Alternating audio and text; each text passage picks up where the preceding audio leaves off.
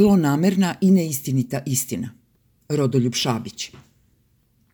Pre neki dan, surfujući po internetu, naišao sam na vest koja mi je privukla pažnju. Nevelika, ne mnogo informativna, odnosila se na poslednju sednicu Skupštine Beograda.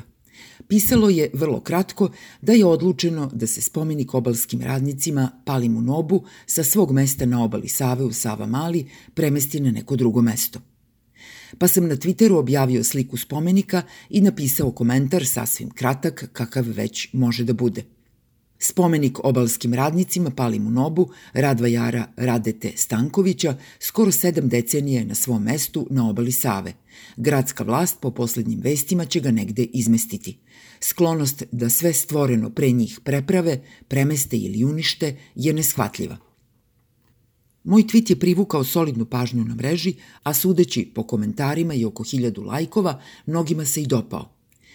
Nekima naravno nije, a gradska vlast je na moju izjavu, kako su nazvali moj mali tweet, reagovala zvanično i oštro.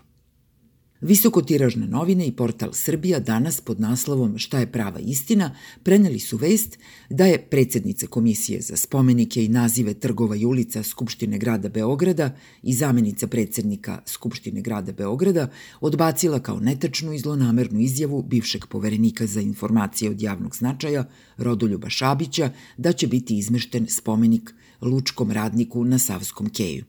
I objasnila – Projektom je predviđeno da se spomenik lučkom radniku premesti bliže glavnom stepeništu na istom tom keju kako bi bio na reprezentativnijem i izloženijem mestu. Dakle, spomenik se pomera desetak metara od mesta gde se sada nalazi i poručila je Šabiću da će tada moći da se prošeta novim kejom i da se samo uveri da se spomenik lučkom radniku nalazi na boljem reprezentativnijem mestu. Tiradu je okončala rečima. Šabić ima pravo da ne voli gradsku vlast, ali neko ko je bivši poverenik za informacije od javnog značaja ne sme da daje izjave koje predstavljaju širenje lažnih vesti. Naravno, kao i svaki građanin, imam pravo da ne volim gradsku vlast. Za to, u ostalom, nakon divljačkog rušenja u Hercegovačkoj i jedva malo manje šokantnog na Kalemegdanu, ideja kao što su most na Suvom, džinovski jarbol ili gondola, basnoslovnih rashoda za fontanu ili za višemesečnu novogodišnju rasvetu i svirke, mutnih projekata poput Slavije, Cvetnog trga, Trga Republike, spektakularnih, a nikad ispunjenih obećanja kao što su metro, Filharmonija, Muzej Beograda, da dalje ne nabrajam, ima i previše razloga.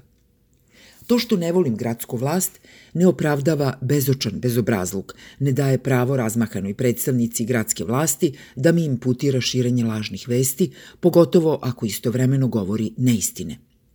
Dakle, definitivno istina da se spomenik obalskim radnicima izmešta sa svog mesta na obali. Istina je čak i da je to i samo za desetak metara, kako gospođa kaže, odnosno laže – Niko u Sava Mali ne zna za glavne stepenice koje ona pominje, već zna samo za velike stepenice, koje nisu desetak, već 150 do 200 metara dalje i nisu na obali.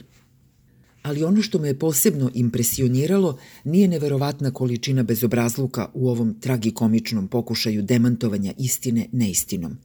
Više od toga pažnju mi je privukla bahata, bezosećajna spremnost da se bez preke potrebe premešta spomenik posvećen palim borcima – Spomenik palim obalskim radnicima podigli su ljudi koji su bili njihovi saborci. Izabrali su mesto za koje su mislili da je najbolje, u pristaništu na samoj obali, naravno nimalo slučajno. I posle sedam decenija aktualnoj gradskoj vlasti pada na pamet nešto što nikom nije, da ga seli. Ona zna bolje i reprezentativnije mesto. Što me je podsjetilo na još jedan spomenik palim borcima – Redkost su spomenici koje pobednici dižu pobeđenima, a Beograd ima jedan takav. Nemački feldmaršal August von Mackensen ga je nakon što su trupe pod njegovom komandom 1915. zauzele grad, posvetio srpskim junacima, braniocima grada.